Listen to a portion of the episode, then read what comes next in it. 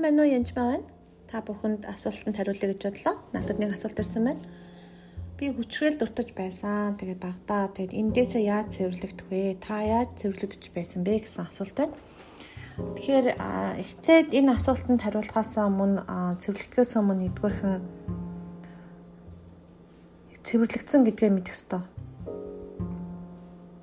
Бурхан бидний бүх гимнүглийг уучлж цэвэрлсэн байна ямар их хаарлагдсан гэдгээ мэдэх ёстой.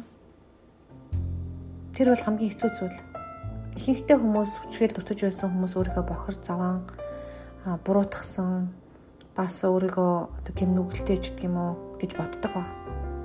Тэр Иесусийн цусаар үнэхээр та ариусгагдсан, цэвэрлэгдсэн гэдгээ чин сэтгэлээсээ мэдэх явдал үнэхээр чухал. Тэгэхэд энэ бүх болсон явдал таны буруу байхгүй гэдгийг ойлгох ёстой. Хоёрдугаарх нь Муу сүнс ч юм уу чөтгөр хөөхөөс өмнө энэ бүх зүйлд хэн буруутай вэ гэж буруутахаас өмнө чи эзэн Христ дотор хинбэ гэдгийг мэдэх явдал маш чухал. Түүн дотор өвлөгдсөн хайртай охин. Иесус Христийн цусаар зойлогдсон, цэвэрлэгдсэн. Чамайг бурхан уучлж бас цэвэрлж өгдөг. Зөвхөн уучлдаггүй бүр цэвэр ариун болгодог гэсэн үг. Энэ ойлголт бол хамгийн хэцүү ойлголт байсан. Анхан үеийн Библиэлд цэвэрлэгдсэн, уучлагдсан, цэвэрлэгдсэн гэдэг үгийг уучлсан гэдэг үгээр ганцхан үгээр бичсэн байсан. Шинэ Библиэлд цэвэрлэгдсэн гэдгийг орчуулснаас хойш бид тэрийг ойлгоод Бурхан зөвхөн уучлаад зогсохгүй бинийг цэвэрлсэн юм байна. Цэвэр ариун болгосон юм байна гэдэг мэдэх явдал маш чухал. Үүний дараа өв залгамжлагдсан охтууд болсон гэдгээ мэдэх ёстой охид хөвгүүд. Христийн золилтын мөн чанарыг ойлгох юм бол үнэхэр цэвэр ариун болсон мэднэ.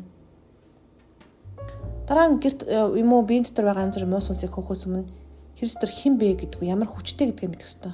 Өөрийнхөө эрх мэдэл хүч чадлыг ухамсарлахгүйгээр ямар нэгэн аливаа чөтгөр ч юм уу аливаа асуудлыг шийдэхэд маш хэцүү. Газар тунцан ядарсан өрөвдмөр амьтныг гуйлагчин шүхнийг бол хажуугаар гарсан хүн болгол муухай харна. Харин цэвэр цэмцгэр сайхан титэм зүйлсэн эмгтэйг бол хараад хүн болгон хүндэлнэ. Тийм болохоор бурхан дотор хин бэ юу? Титэм зүйлсэн тэр үнэхээр агуу дээд нэгний охин болсон гэдгээ мэдэх явдал маш чухал. Хааны охтуудыг титэм зүйлсэн эмгтэй болдог.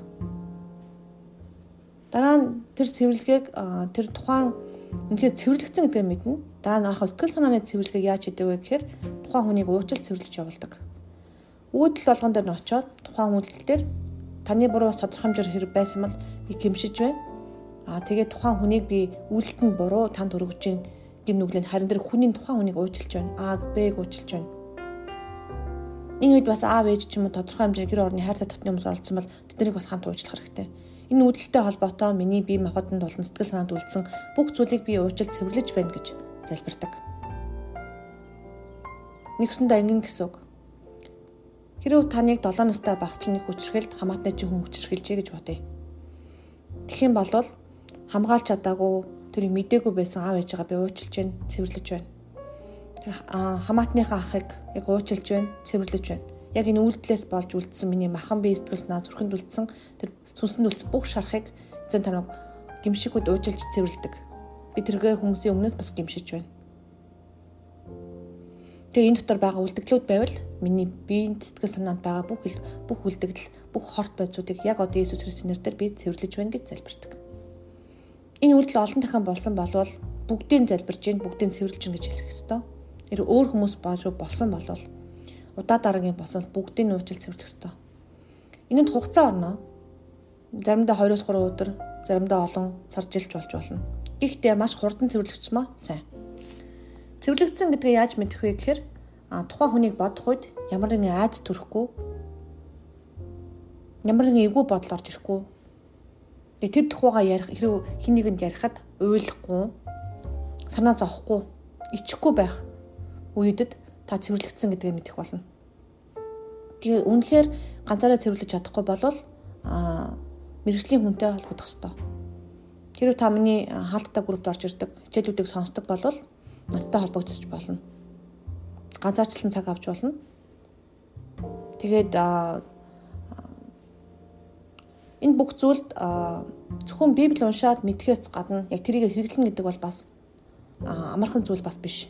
Хин нэгийг хэлж өгөхгүй бол түүнийг бас сайн сурч чадахгүй. Миний ард түмэн мэдлэггүйгээс болоод сүрнэ гэж хэлдэг. Тийм учраас та бүхэн маань хичнээн Христэд итгэдэг боловч түүний мэдлэгийг түүний хийх ёстой үгийг яаж хэрэглэхээ мэдэх нь маш их чухал байна. Тэгээд энэ бүх аялалт чинь үнэхээр энэ цэвэрлэгээнд чинь би аль болох тусалж хамт байхыг хичээнэ. Дараагийн подкастууд минь сонсороо. Баярлалаа.